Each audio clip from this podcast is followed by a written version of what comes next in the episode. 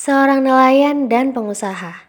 Seorang nelayan yang sedang duduk santai di pinggir pantai dengan berbaring di dekat perahu miliknya, tiba-tiba datanglah seorang pengusaha mendekati nelayan tersebut. "Kenapa kau tidak pergi menangkap ikan?" tanya si pengusaha tersebut kepada si nelayan yang sedang duduk santai karena aku sudah menangkap ikan dan hasil ikan hari ini yang aku tangkap dapat menghasilkan uang yang bisa mencukupi kebutuhanku dan keluargaku hari ini dan dua hari berikutnya.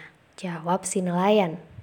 Lalu pengusaha berkata, Mengapa kau tidak menangkap ikan yang lebih banyak lagi? Dengan santai si nelayan menjawab, Untuk apa? Pengusaha berkata lagi, kau akan mendapat uang yang lebih banyak dan kau bisa menggunakan uang lebihmu itu untuk membeli jala baru. Atau kau bisa memperbaiki perahumu agar kau bisa menangkap ikan lebih banyak lagi.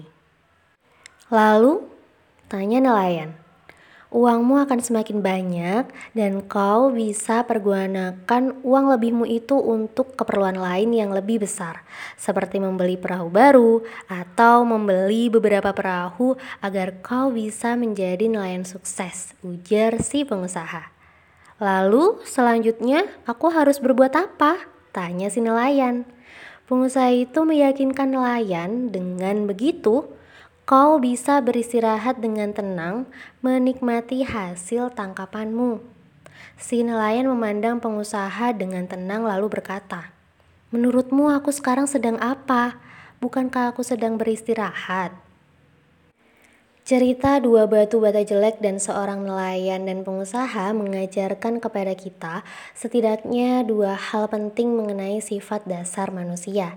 Pertama, Manusia itu cenderung lebih mudah mengingat sesuatu yang jelek.